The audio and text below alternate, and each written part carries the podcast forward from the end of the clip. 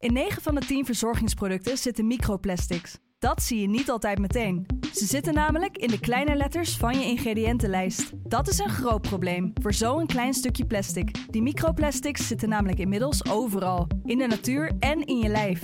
Gelukkig zijn er ook merken die gewoon microplasticvrij zijn. Want dat het anders kan, dat weten we bij Weleda, Lekker Company, Marcel's Green Soap, Naïef, Smaal en Witlof wel. Dus check de kleine letters. Die hebben de grootste impact. Studio Socrates wordt mede mogelijk gemaakt door Unibed. Há muito tempo você está no meu caminho. Como posso esquecer?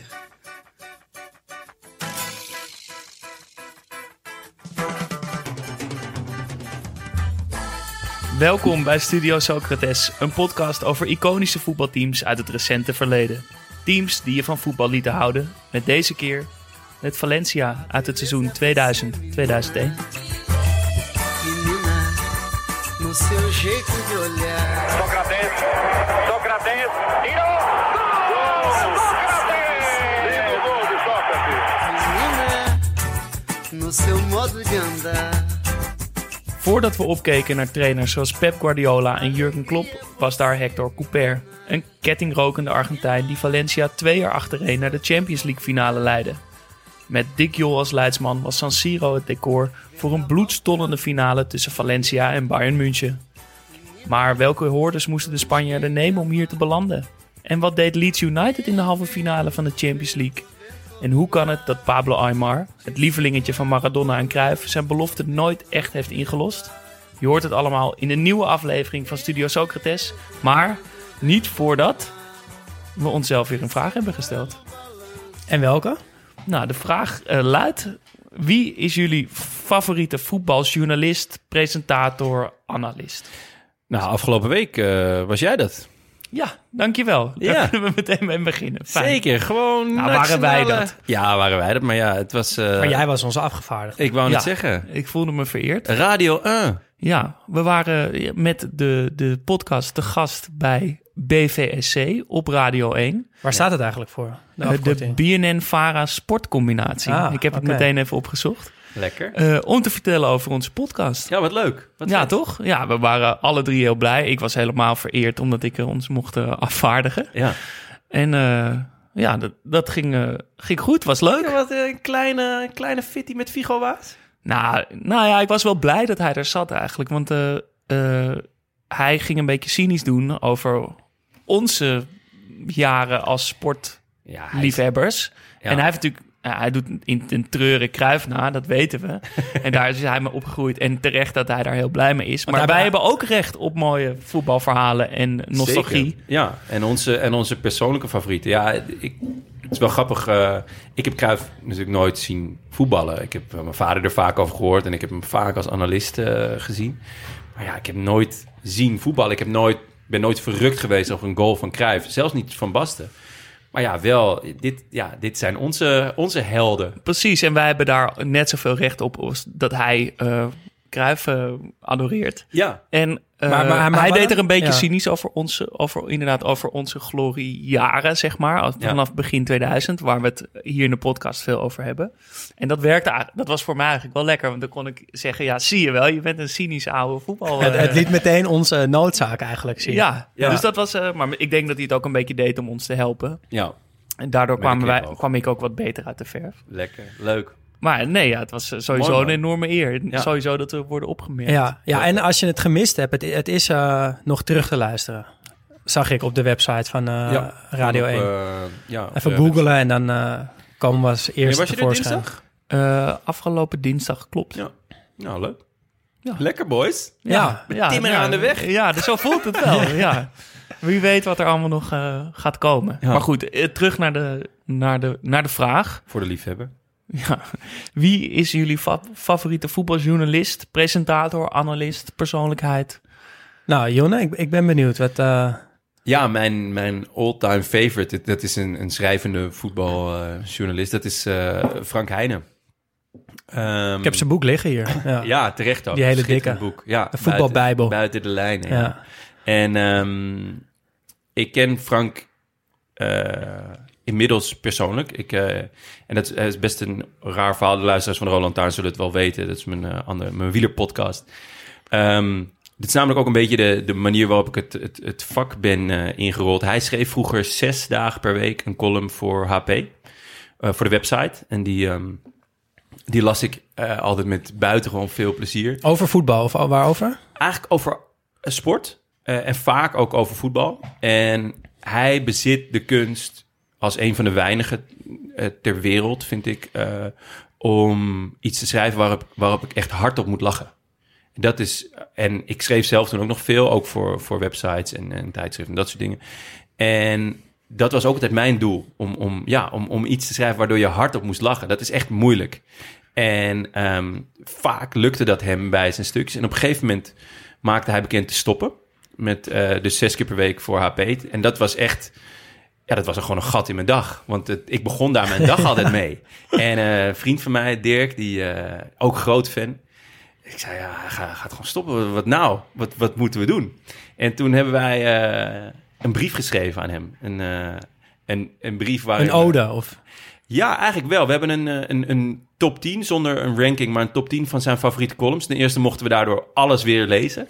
Ehm, en hebben we een top 10 geschreven en een brief, een bijgaande brief met, met van ja, hoe groot fan we waren en, en hoe bijzonder eh, Ja. we hem vonden. En aanvankelijk kreeg ik geen antwoord. En dat was omdat hij dacht dat een van zijn vrienden hem in de maling nam. Maar dit heeft hij achteraf toegegeven. Nou ja, op een gegeven moment reageerde hij wel. En hij zei, wauw, ik ben echt eh, verbijsterd. Hij had geen woorden voor dat, dat mensen zoveel waarde daaraan hechten. En hij vond het heel bijzonder. En nou, toen hebben we een beetje gemaild. En op een gegeven moment, omdat ik zelf natuurlijk ook schreef, vroeg ik hem om tips. En toen hebben we een keer koffie gedronken. En hij zei, nou, je moet gewoon HP een keertje aanschrijven. Toen heb ik daar wat stukjes voor geschreven. En door dat soort stukjes ben ik ook eh, weer bij het podcast terechtgekomen. Want mensen kennen me daarvan en, en zodoende. En nu is hij één keer in de zoveel tijd is hij te gast in, eh, in de Rode Lantaarn. Wat echt super superleuk is.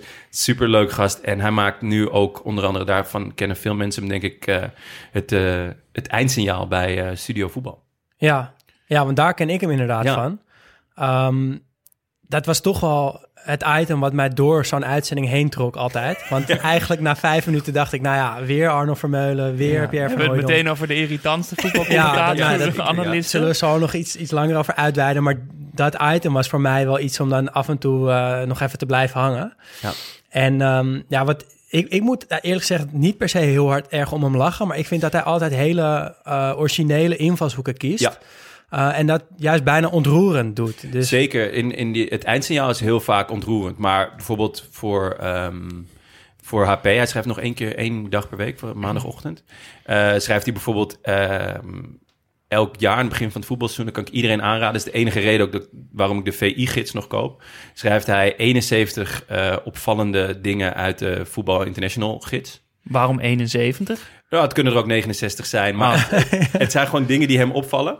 En dan staan er dus dingen in als, ehm, nou, dit jaar eh, spelen er eh, drie Berten in de, eh, in de VI. en, Nul- en nul en gewoon alleen maar. ehm, en, en de, bijvoorbeeld tongbrekers voor commentatoren. En gewoon allemaal ja, originele invalshoeken die, Ja. die eh, op dat moment heel grappig zijn. Maar die kunnen ook heel ontroerend zijn of heel mooi. Zeker. Ja, want, want waar ik dan meteen aan moet denken bij, eh, bij Studio Voetbal, bij het eindsignaal, is een item wat hij maakte over Jermaine Vanenburg. De GOAT. Ja, de straatvoetballegende uit Amsterdam. Uh, en dat hij zo iemand dan op nationale televisie een podium geeft en niet kiest voor weer, weer zo'n voetballer die iedereen kent. En dat op een hele mooie manier dan ook doet. Ja, dat is wat, wat, wat hem zo goed maakt voor mij. En volgens, ja, ik wil daar wel graag... eh, ik wil eigenlijk misschien wel het hele eindsignaal laten horen als dat kan. Nou, Het is onze eigen onze- podcast, ja, dus dat kan gewoon. Kom Ja. maar door.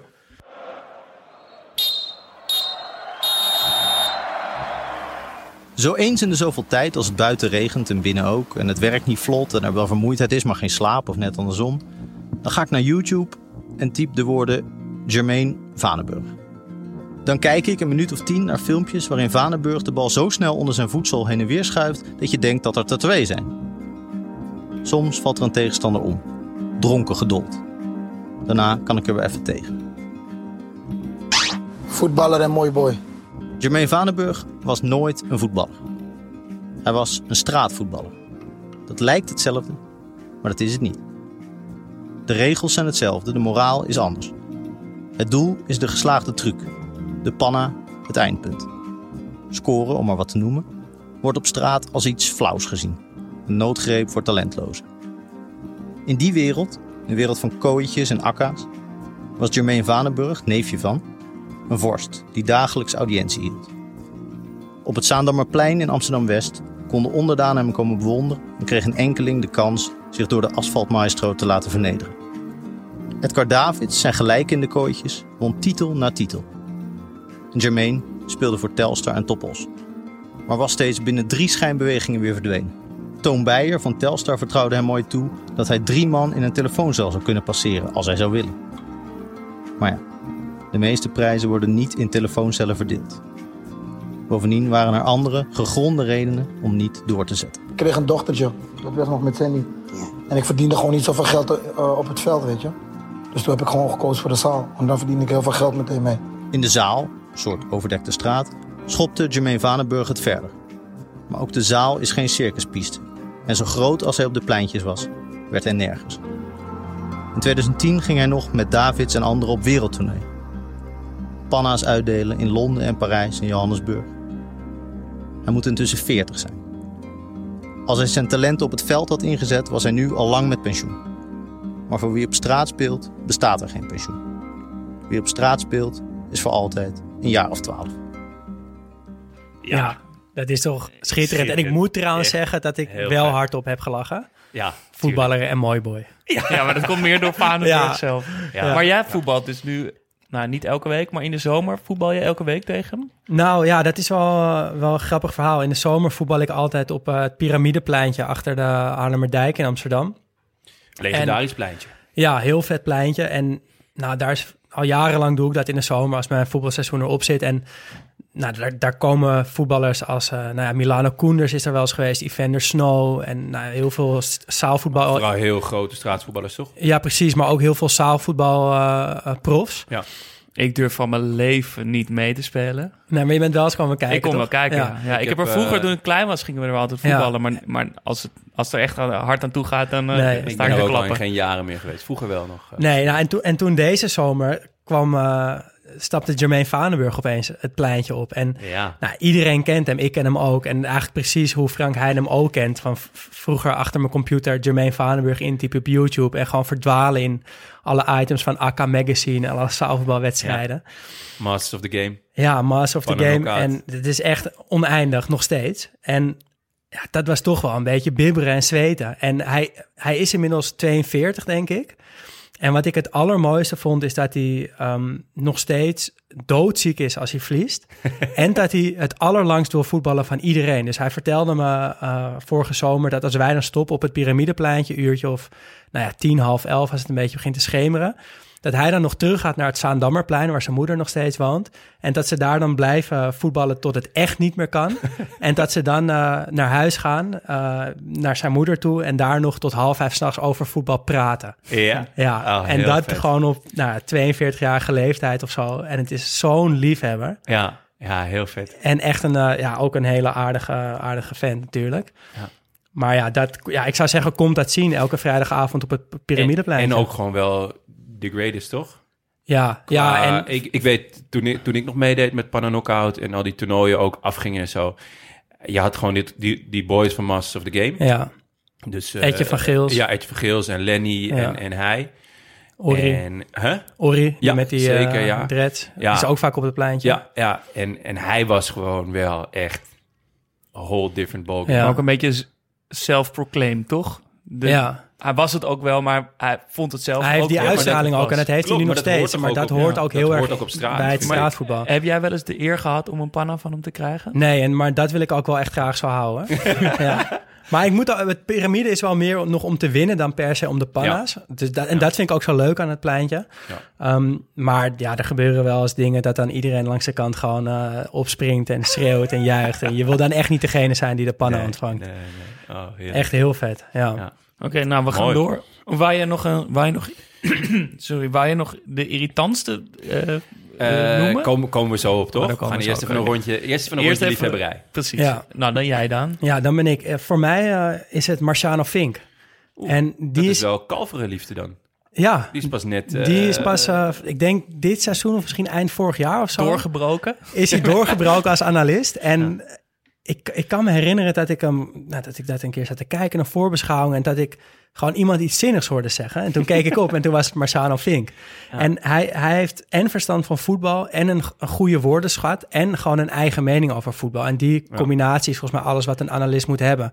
Maar wat er geen één heeft ongeveer. Ja, en hij heeft op een bepaalde manier best een vette stem. Ja, Het is een beetje sloom, Ja. maar je weet wel gelijk van... oh ja, die is aan het woord. ja. En ik heb ook het idee dat hij alle wedstrijden kijkt. Ja. Toch? Hij kijkt ook de degradatie. eh, Ja, maar dat maakt hem ook goed. Want er was een keer een... eh, hij zit heel vaak met Kenneth Perez ook aan de tafel. Wat ik een... Kenneth Jensen. Oh, sorry, Kenneth Jensen. Ja, Kenneth Perez. Hè. Kenneth dat, Jensen. Wat ik een leuke combinatie vind. En ook juist omdat Marciano Fink een van de weinigen is die Kenneth Jensen tegengas geeft. Ja. En Kenneth vindt het ook zichtbaar niet leuk. en dan heeft... Maar Kenneth dat ook wel snel zichtbaar, hè? Ja, maar dat, dat voor de kijker is dat geweldig. Ja, zeker. Maar ik vind trouwens Kenneth Jensen ook wel een goede, eh, een goede analist. Ja, alleen ik, wel een beetje op het populistische af soms, vind ik. Dat gewoon een beetje makkelijk scoren, maar Ja, hij heeft wel, hij heeft wel een eh, zeker ook een originele kijk op voetbal. En Ja. ook wel een soort van puristische kijk, wat ik Ja. wel vet vind. Ja. Ehm, maar voor mij is Vink de ontdekking in eh analistenwereld. leuk. leuk. Ja. En, en hij heeft een heel mooi verhaal. Mag, ja, mag ik dat vertellen? Ja, ja, pak hem over. maar door. Ja. Hij, eh, hij was eh, als voetballer was hij goed. Eh, hij speelde eerst bij Ajax, lid van de patatgeneratie. Eh, omdat hij uit een lichting kwam met Witsche en de boertjes die naast het veld niet zo heel veel echt eraan deden om profvoetballer te worden. Maar het ze op het veld schijnbaar allemaal heel makkelijk afging. Dus die werden bestempeld door Beenhakker op dat moment coach als eh, de patatgeneratie. Daar is die foto ook van, toch? Zo voor de Febo. Ja, ja, dan eten ze een patatje. Ja. Eh, daarna is hij, eh, is hij nog naar het buitenland geweest en bij PSV terechtgekomen. En daar raakte hij geblesseerd na een tackle van Louis Figo. Die, eh, Komen we straks nog over te spreken? ja, die tackelde hem en eh, daar is hij eigenlijk nooit helemaal eh, van, eh, eh, eh, nooit meer op zijn oude niveau gekomen. Is, heeft nog bij Ajax Cape Town gewerkt en is toen professioneel pokerspeler geworden. Heel vet. Ja, heel goed. Heeft hij goed, eh, goed gedaan, heeft hij geld mee verdiend. Ja? Maar het, het mooiste is dat hij eh, op een gegeven moment met een inzet van 3,75 euro de Mega Millions jackpot in het Hollands Casino won in een gokautomaat. Niet. En daar Ja. 1,4 miljoen euro won. Ja, Gewoon op het Leidseplein bij die Holland Casino. Ja. En hij zei van ja, ik heb het niet echt heel hard nodig, maar het is heel erg welkom. En toen heeft hij volgens mij zijn hele familie uit Suriname laten overvliegen. Wat hard zeg. Ja, dat is toch echt cool. Ja. Ik vind hem daardoor ook op een of andere manier een betere analist Ja. geworden. Ja, ja, 100 procent. geluksvink. Ja. Wat ja, en vet. dat ook dus, dat bewijst ook nog maar eens dat hij lid is van de patatgeneratie. Dat hij gewoon 3 Komt euro hem. in een gokkast gooit en eh, Nooit meer wat te komt doen. hem aan, het komt hem aanwaaien. Ja. En dan ook nog eens een goede analist zijn. ongelooflijk. Maar we gunnen het hem van harte. Ja, zeker. Heel vet. Ja. Eh, Verder ehm, heb ik nog een paar eh, namen die ik ook even wil noemen, als dat, dat mag. mag, tuurlijk. Atemos. Ja, er wordt vaak lacherig over hem gedaan en daar doe En ik ook wel aan mee. Alleen hij heeft toch best wel een leuke kijk op voetbal, vind ik. Hij ziet ook heel veel, ook heel veel jeugdwedstrijden. Hij is vaak vroeg met het tippen van talenten. Ja, maar, Maar- hij tipt zoveel. Ja, Een beetje onder het motto van een kapotte klok heeft ook twee keer per dag gelijk. Ja, maar nou, ah, ik, ik, ik vind dat Aad het vaak wel eh, redelijk ziet. Maar waar, waarvoor ik hem noem, zijn natuurlijk zijn filmpjes op Twitter. en dan voornamelijk in de zomer, als er een toernooi is of de voorbereiding van een club, dat hij vanuit zijn vakantiebestemming, meestal een soort van all-inclusive resort of een, of een beachclub in Ibiza, dat hij zo half in beeld of met een ober naast Met hem, een hele rode kop. met een hele rode kop en een veehals, dat hij staat te vertellen over wat er gaat gebeuren. En dat zijn filmpjes van een minuutje ongeveer. En, Absoluut eh, aanrader. eh, absoluut aanrader. Aad afkoopsom. We weten Ja. dat we hem... eh, we zouden hem in de podcast kunnen krijgen. Hè? Is dat zo? Je weet, Aad heeft een vast tarief. Voor 1500 euro zit hij overal. Echt waar? Dat, dat zeggen ze bij VI altijd. Van, Nou, eh, laat maar komen, toch? Ja, Nog wat vrienden van de show erbij en, eh, en dan, we eh, kunnen hem betalen. bij 1500. Ja, Als genoeg bij vrienden- deze, als we... vragen we Aad afkoopsom. Ja. Ah, het zou mooi zijn, want ik heb eh, al jarenlang eh, eh, meerdere uitgevers ook al eh, een, een, een aanvraag ingediend. Van, hey eh, jongens, eh, zou je het leuk vinden? Ik heb een, eh, 101 Atemos eh, moppenboek. Eh, en, eh, ik vrees het ergste. ja, eigenlijk, het zijn eigenlijk 101 eh, grappen, woordgrappen over Atemos. dus, nou ja... eh, Nou, maar- 101. zal Nou, ik, dus je hoeft ze zal niet allemaal... zal ik er 101 doen? Nou ja, Nou ja, een voetbaltrainer die ook niet vies is van een heilige oorlog. Jihad de Mos. Financieel moeilijk te begrijpen trainer. Derivaat de Mos. Eh, Spaanse trainer die eh, makkelijk vaarwel zegt. Adios de Mos. Adios. Eh, nou, laatst dan nog... ook, ook omdat je... Je kan ook een, de andere kant, je kan ook de moskant op namelijk. Dus... ehm, eh, eh, trainer die ook bij de Israëlische geheime dienst heeft gewerkt. Atem Mossad. Atem Mossad. Ja, kijk, je kan alle echt- kanten op. die Het is echt heel goed. Ik Maar ben die blij komt dat ook ik weer in ieder terug. geval één keertje eentje Die komt ook weer terug bij eh, hè? Die komt ook weer terug aan de voorkant. Ja, ja, daarom. Dus Atem Mossad. Ja. Atem Mossad. Leuk. En, eh, ja, leuk. verklap ze niet alle honderd Nee, want dan want, hoeven ze het ehm, boekje niet meer te Ik wacht kopen. eigenlijk nog steeds op de reactie eh, van de bezige bij. Maar eh, ja, zij reageren niet op mijn mails. Ja, Heb je Aad wel eens hierover uh, Ja, dan moet ik 1500 euro betalen. Nou, Nogmaals. Nogmaals, jongens. Als we genoeg van de show hebben, dan kunnen we dit allemaal, eh, Ja, ja, ja, allemaal oppakken. Aad de Mos. Ehm, laatste die ik nog even wil noemen is Gary Lineker. Die kwam ook voorbij op eh, Instagram of op eh, Vriend van de Show. En hij leidt dat programma Match of the Day, wat ik sowieso het allerbeste voetbalprogramma Absoluut, vind. met afstand. Maar hij leidt dat zo goed. Ja. Hij doet het zo ongelooflijk goed. En dan is hij ook nog eens echt heel grappig en scherp op Twitter. Ja. Waar ik, tra- waar ik dan weer niet zelf op zit, maar dan zie je zo af en toe wat voorbij komen. En niet te Ehm, beroerd en om uit een- de kleren te gaan, hè? ja. Ja, met die weddenschap. Dat Ja, is ook heel vet. Heel vet. En hij heeft eh, al gewoon heel hoog gevoetbald. Ja, Ja. Dat is ook leuk voor, Ja. dat- voor de verandering. klopt. ja, dat je gewoon een presentator hebt die ook hoog heeft Ja. gespeeld. Ja. Ja, en niet alleen de, de analist. Nou ja, Match of the Day, wat een programma. Het is eh, eigenlijk het enige voetbalprogramma waar, waar, waar je naar kijkt om ook daadwerkelijk iets te leren. Ja. Tenminste, dat, dat heb ik altijd. Omdat het niet alleen maar meningen zijn, zoals in Nederland toch wel veel gebeurt. Je- Het is mening op mening en de week erop heb je weer een andere mening. En Ja. maakt eigenlijk niet zoveel uit.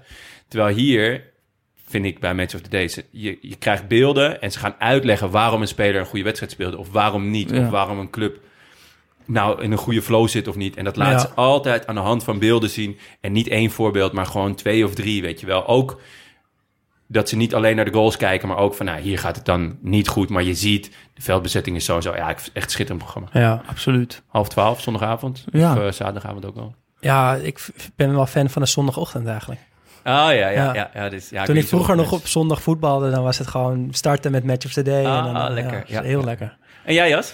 Ja, ik, eh, he- ik heb heel even getwijfeld, maar ik heb een keuze gemaakt op basis van onze podcast. Ah, je hebt toch weer... eh, ja, want ik, ik dacht, ja, ik moet Kruif noemen, dacht ik eigenlijk eerst. Want die kennen wij natuurlijk ook eigenlijk alleen als analist. Ja, dat, zei je net al. Dat was altijd genieten, dat is ook zo. Eh onnavolgbaar en toch gelijk. Maar dat, dat, daar hoef je verder niet te veel over te zeggen. Dat begrijpt iedereen wel. Maar ik heb toch, ik wil toch graag eh Wietse van de GOAT.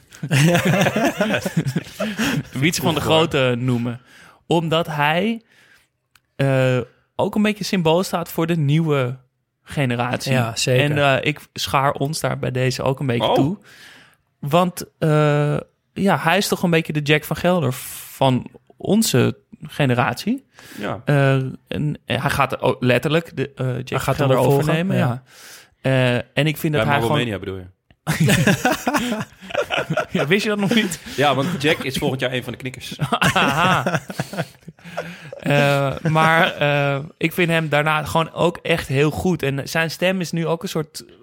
Stem van de generatie. ja, bijna van die gewoon. generatie. Ja. Die, je krijgt nu meteen ook beelden in je hoofd als je zijn stem hoort. En hij kan ontzettend goed commentaar geven, vind ik. En daarnaast ook nog eens items maken en eh, interviewen. Ja. Nice. Dus die, eh, die wilde ik eh, graag noemen. En dan, wel leuk, we hebben een voorbereidingsdocumentje. Hè, en dan kijk ik en dan zie ik dat jullie gewoon automatisch ook...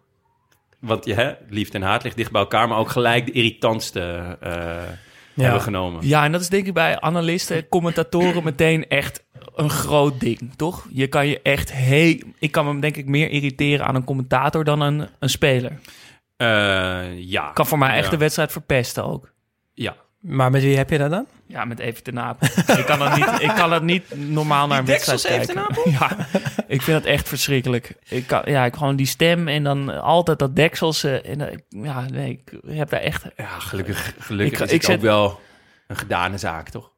Ja, gelukkig. En dan Geeft soms opeens doet hij toch opeens een wedstrijd die je dan net kan kijken. Ja, goh. Ja, Nou, het komt omdat jij ook alles kijkt. Gewoon NEC toppos, dan zit ja, hij er toch dan weer. zit hij er toch weer. Ja, helaas.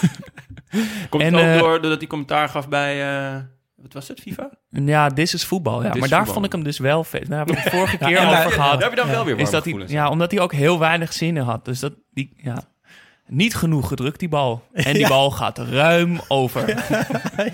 Nou, ik ken al die zinnetjes nog uit de volgende wedstrijd alleen die zinnetjes. Dat, Dat denk zou- jij wel, dat dan zou wel prettig je stoel. En ik wou nog een eh, eervolle vermelding eh, voor Hugo Borst doen. Want als je er geen zin in hebt, ga er dan niet zitten. Oh, absoluut. Ja, heel Eh, mee. dat, dat was eigenlijk het enige woorden die ik daar fel aan wilde maken. Ja. Ja, Ja, Hij nee. ziet er ook uit inmiddels als een soort geradicaliseerde hipster. ja, Echt heel alsof hij gewoon ja, een aanslag gaat plegen middels eh, eh, heel, veel, heel veel koffiebarretjes open. nou, laat, Iedereen hem, doodgaat aan de koffie. laat hem alsjeblieft een koffiebarretje openen en niet meer op tv gaan zitten. Want eh, het is voor niemand leuk. Voor hem ook niet, Nee. toch? Ja. Nou goed, Nee. Mooi. Je dan jullie wel. irritaties. Ja, ik heb eh, eh, Danny Blind. Het scholletje. De- eh, waar- waarom heet hij het scholletje? Dat is- Nou, bij Ajax was zijn bijnaam het scholletje. En dat was Ja? absoluut niet eh eh, vlijend. Omdat hij met alle winden meewaaide. nou ja, dat, dat, ja. ja, hij, ja, hij scholde eh, ja, als een school. Nou, dat, De vis, hè? ja, ja, ja. Niet de opleiding. Nee, maar dat, accent. De dat, school. dus, ja, Nee, maar dat vind ik ook zo irritant aan hem. Hij heeft ongeveer alle functies bij Ajax gehad. Heeft het allemaal even slecht gedaan. en is dan nu maar analist geworden. En het, het, het negativisme en het cynisme druipt er gewoon bij, bij hem vanaf. Het soort van ook dat, dat realisme. Ik, de laatste keer dat ik hem zag was, ehm, zat hij bij Leeds.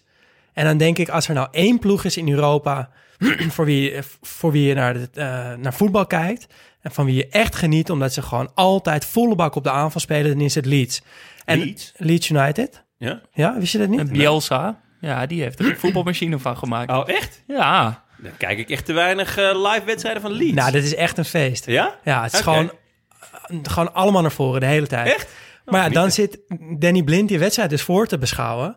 En dan gaat hij vertellen hoe naïef dat is. En dat je Ah. daarmee geen punten pakt. En Ja. dat Bielsa niet eh, mee kan in het moderne voetbal. En dan denk ik, ah Danny, hou nou alsjeblieft op. Wat scholletje dat je op. bent. Zwem lekker weg. ja. Danny Blind, nee. oké. nou, nu jij, Jonne. Je mag heel veel ventileren. Ja, het, is, het was bij mij een nek-aan-nek race. Eh, en dat, ja, het gaat tussen eh, Joep Schreuder en Arno Vermeulen.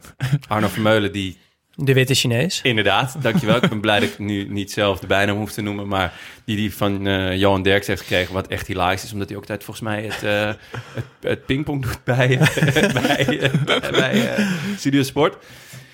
Maar ja, het is toch Joep Schreuder. Ehm, Joep Schreuder is echt verschrikkelijk. Gewoon echt. Maar Het ergste item, denk ik, ooit maakte die met Eloy Rom.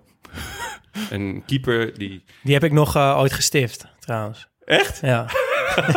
je kan geen kans voorbij laten gaan om dat even te zeggen. Ja. dat Ja, begrijp ja. ik wel. Kan ik waarderen. Dat zou ik ook altijd noemen. Eh, had hij toen ook dat kol colletje aan? Nou, nee, keepte nou, wel met een colletje namelijk. Hij, wat was, eh, ik heb stage gelopen bij Vitesse in de jeugd. En Ja. toen op de eerste training speelden we kleine partijen. Ja. En toen stond hij iets te ver voor zijn goal. En toen chipte ik hem zo eroverheen. Dat was een heerlijk En toen moment. hebben ze je niet een con- profcontact meteen dat is echt. Onbegrijpelijk. Ja. Nou, dan snap ik wel dat het niet zo goed, niet, Ja. niet zo goed ging bij Vitesse. Inmiddels natuurlijk wel. Maar Joep Schreuder had ooit een item met Eloy Room. En Eloy Room die eh, kwam toen eindelijk aan spelen. Hij was tweede keeper volgens mij. En op een gegeven moment ging er een keeper weg. En toen... Of hij, die keeper werd gepasseerd, weet ik veel. En Joep begint het item met... Sta jij graag in de rij bij de Albert Heijn? en je ziet Eloy denken... Wat de fok? Waar heb jij het over? Dus hij zegt zo... eh, nee. En toen kwam dus de aap uit de mouw. Joep. Ja, want je hebt lang moeten wachten, hè? voordat je een basisplek kreeg. Ik vind wel dat je hem goed nadenkt. Ja, ook. dankjewel. Ik was ook echt voor het eerst. Het komt echt... eh, maar dat je zo een... En dit doet hij Ja, dat doet hij altijd. En het altijd... En die leesbril. Ja, en dan die vingertjes die, waar de toppen van de hand... De manier waarop hij zijn microfoon vasthoudt... dus helemaal de, de vinger in zijn vingertoppen... ergert me mateloos. Ja, maar, Alles aan hem. maar hij probeert een Haat beetje een soort van intellectueel-achtig Ja, die volgens mij interviews was te hij doen. ook leraar Duits of zo. Maar wat ik, dan het, eh, wat ik dan het ergste vind aan hem... is dat hij had onlangs dat interview met Malasia van Feyenoord. Ja. Um, en dat Malasia zei van... ehm, nou, ik, kijk, ik lees eigenlijk nooit zo NOS en nu een voetbalzoon. eh, dus ik, ik weet eigenlijk niet hoe, of advocaat weggaat of niet. Daar ging het item over. En toen vroeg, eh, vroeg eh, Joep Schreuder... Oh, wat lees je dan? Toen zei hij, nou, ik lees boeken. Nou, de- als een voetballer dat zegt... Ja. dat is toch het moment om, daar Ja. om door te vragen... en een, ja, een leuk gesprek over te beginnen. En nou helemaal als jij die, ehm, die journalist Ja, ja, denkt te zijn. Van ja, ik Ja. ben... alsof je Oh. die intellectueel blijkt te zijn. Oh, leuk. Leuk. Ah. En toen ging je door met de andere vraag. Maar ik Ja, weet dus nou, nu nou. inmiddels welke boeken die leest. Oh, wat dan? Hij was op dat moment 50 tinten grijs aan het lezen. Ja, echt. ja. Oude geilbak gewoon. ja, nou ja, Ja, ja, heel ik vet. weet maar hij had ook wel wat, wat eh, ik, dat is me even ontgaan, maar gewoon wat, wat literaire Ja. boeken. Maar hij had dus, was dus ook 50 tinten grijs. Lekker, lekker Tyrell. Ehm, ja, dus eh, ja, Joep, ja. echt absolute ondergrens. Eén keer, maar nog één laatste, dat hij een item ging maken bij, ehm, volgens mij bij PSV. Eh dus zat hij lekker gemoedelijk te doen en eh, de oude jongens krentenbrood en de popiopie uit te hangen. En toen deed hij dus alsof, alsof hij de ehm, wasvrouw van PSV bij naam kende. En die zei toen, nee, nee, zo heet ik niet. En dat, toen dacht ik, En toen ja, sprong zo'n jij. man ben jij.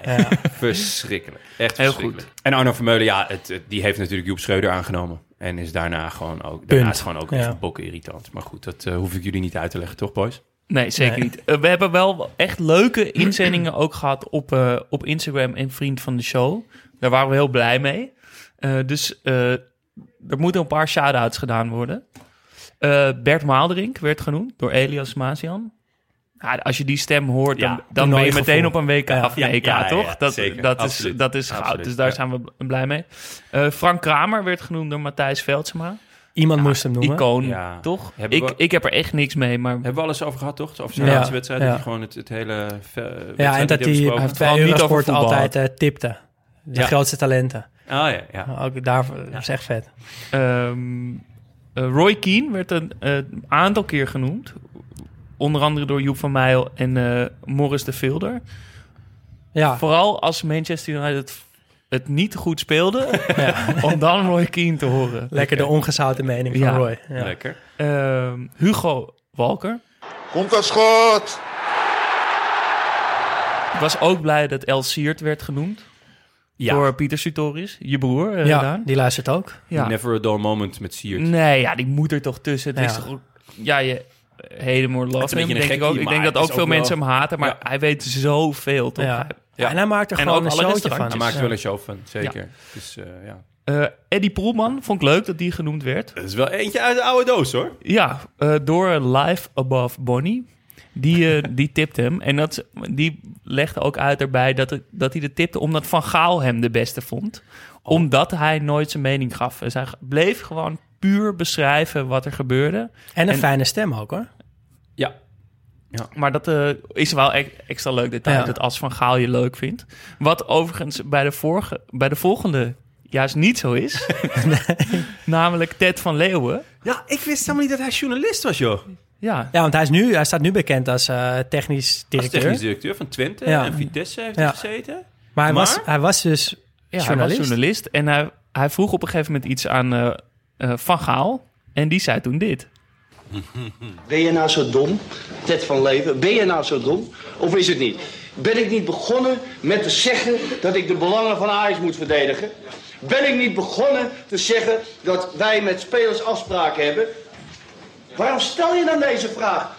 Ben ik nou degene die zo slim is of ben jij zo dom?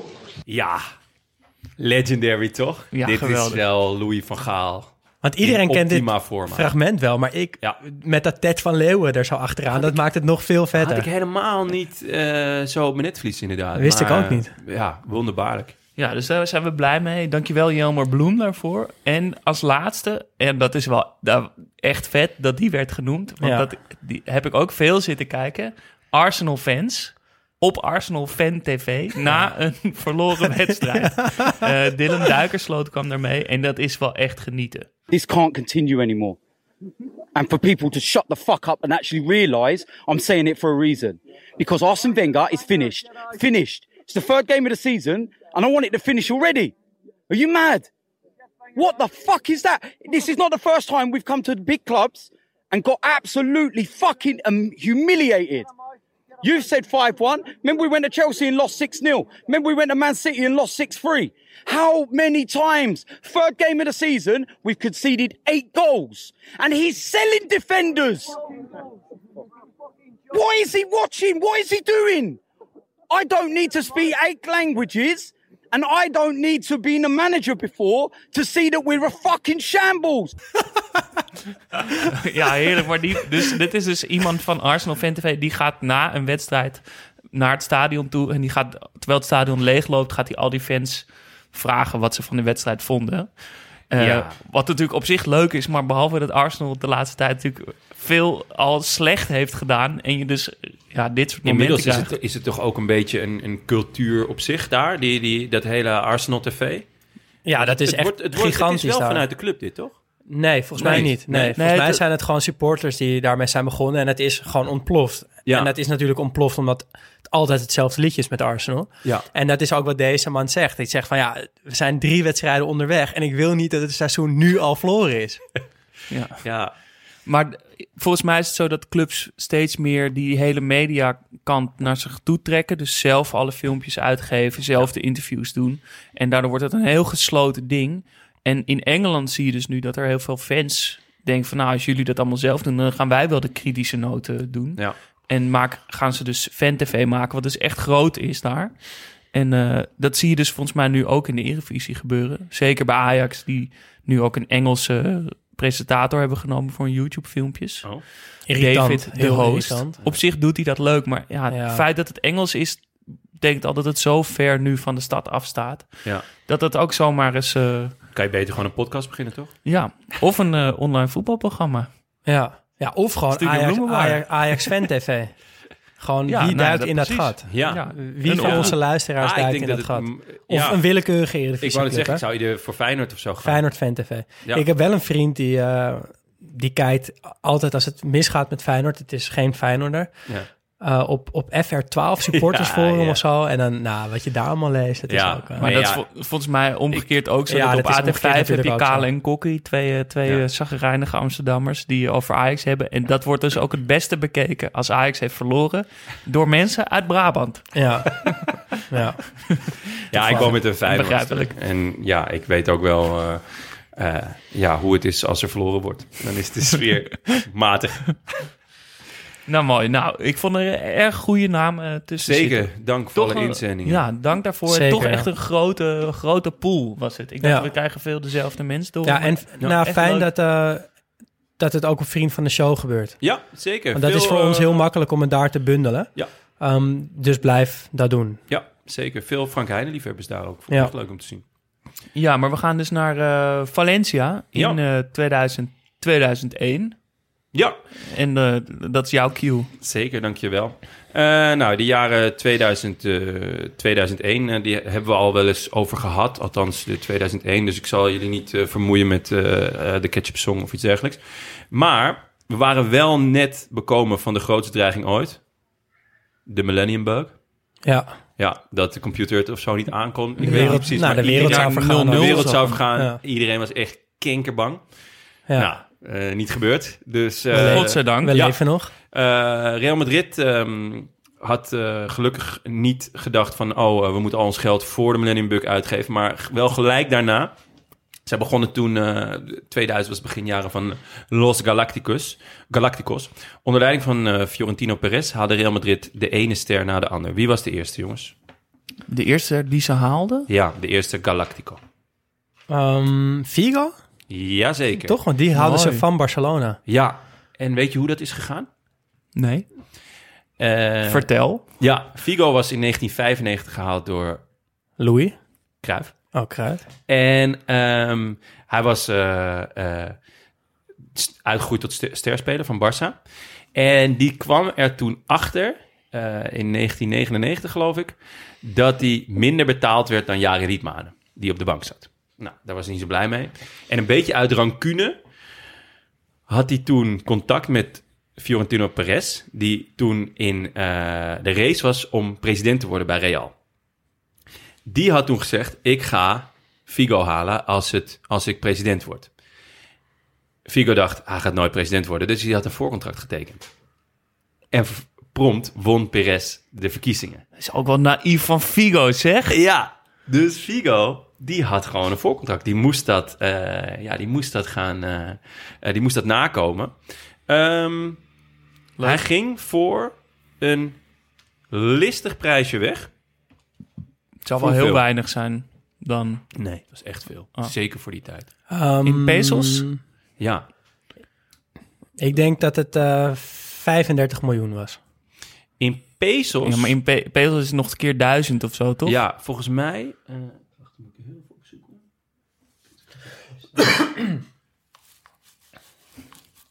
30, dui- 30 miljard, zeg ik dan. Je zit er niet eens zo ver naast. 10 miljard pesos, of peseta's. Eh, en dat was 51 miljoen euro in Wow. 2000. Dat is, Dat is echt heel veel geld. hè? Ja, dat is echt heel veel geld. Ehm was trouwens niet de eerste keer dat Figo in contract ellende kwam. Want hij had in, voordat hij naar Barça ging, had hij een contract volgens mij bij, eh, getekend bij Parma en Juve.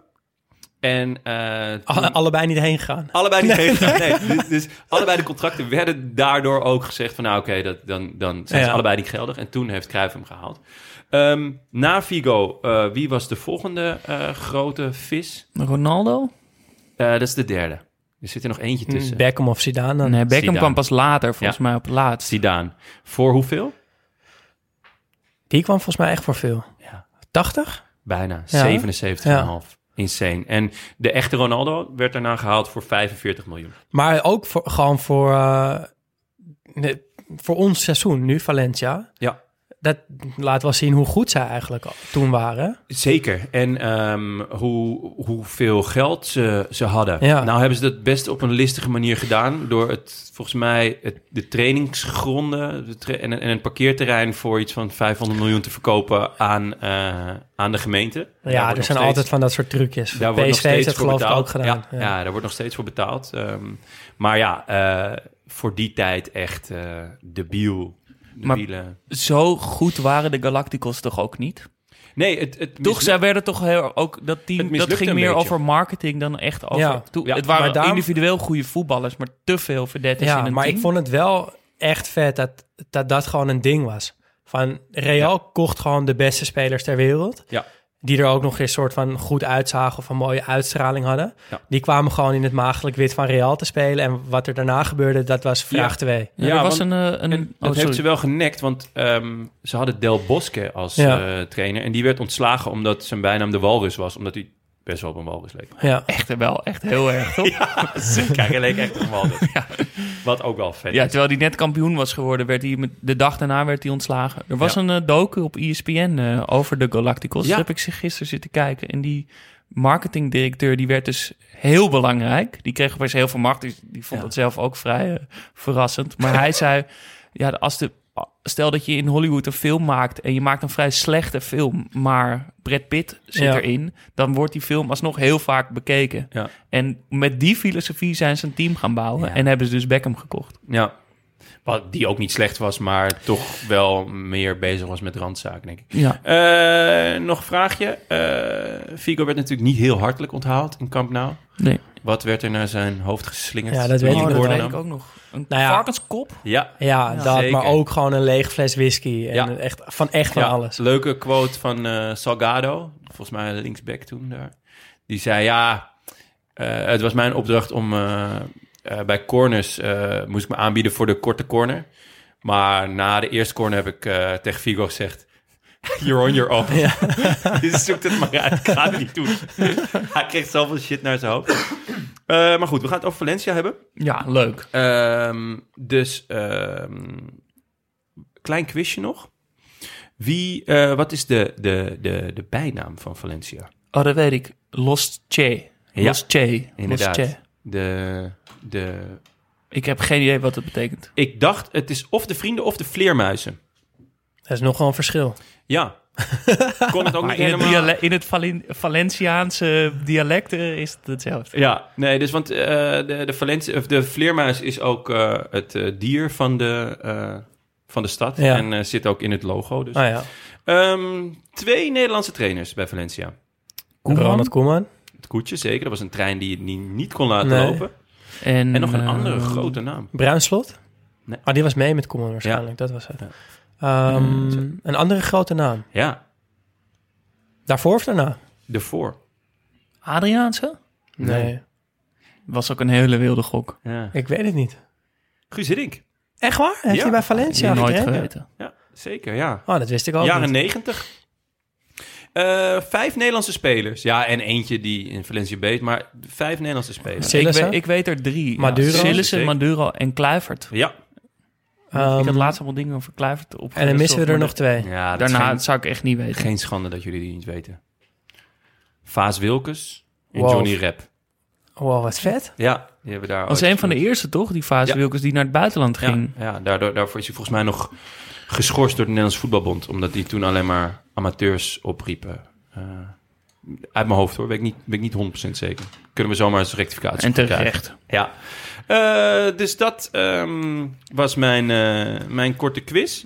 Dankjewel Ehm, daarvoor. Om nog even aan te geven van, eh, dat het toch wel een tijdje geleden is. Marwan Boadu en de gebroeders Timber bijvoorbeeld. Die werden in 2001 geboren. Wat was de...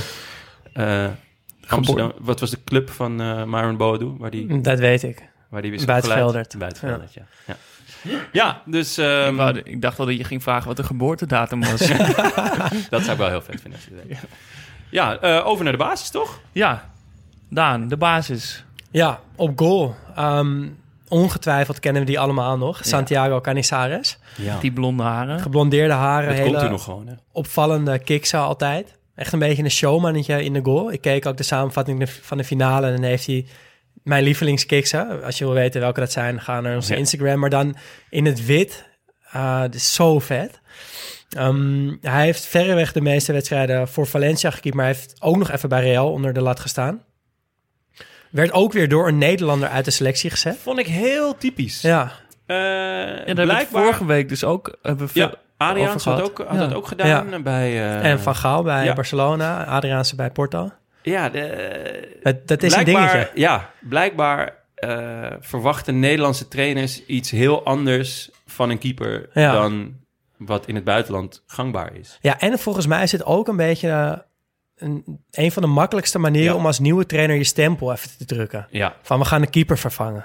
ja ook vind ik wel, want dat is misschien een vraag. eh, ik denk, Daan, dat jij die misschien beter kan beantwoorden, maar eh, keepers zijn natuurlijk gekkies.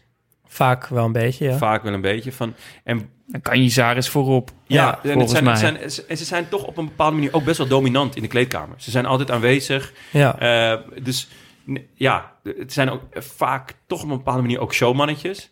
ja. Ehm, Nou, ze hebben natuurlijk gewoon een hele belangrijke rol in het team. Ja. En ook een, een unieke rol, want er is er gewoon maar één van. Ehm, maar wat zijn grotere showmannen? Spitsen of keepers? Ehm, Leuke vraag. Dan denk ik toch wel spitsen. Ja? Toch wel, ja. Oh, nee, gewoon ik- vanwege gewoon dat in de schijnwerper staan en belangrijk zijn voor je team. Maar ik je hebt denk ook toch- toch heel veel hele saaie keepers. Ja, je hebt, oh, je hebt, Die dat wel heel veel hele saaie spitsen. ja. En wel ja, minder, denk ik. Ja, Ah, goed. moeilijk. Vind je het een leuke... leuke vraag. Misschien kunnen we hem ook even op Insta gooien. Ja. Grotere gekkies. ja, wie zijn de grotere showmannen? Ja. Spitsen of ik vind, eh, ik vind keepers. zijn vaak qua showman. Het zijn toch ook mislukte voetballers, maar die wel dan toch die shine willen pakken. Ja. Nou, Canizares. Canizares voorop. Ja, in, in ieder ja. geval met, met hoe hij eruit zag en hoe hij keepte. Ehm, wat nog wel opmerkelijk is, hij miste in het WK 2002 omdat hij een flesje parfum op zijn voet liet vallen. Dat scheurde een pees. En Maar eh, even, hoe groot Hoe- Was het een familiefles parfum? Of zeg maar, hoe groot moet je Ik denk- parfumfles zijn? Ik, ik zie hem nu ook voor me als een heel geparfumeerd iemand. Ja, die hem al van, 100%. van een, die Nicole kan ruiken. Ja.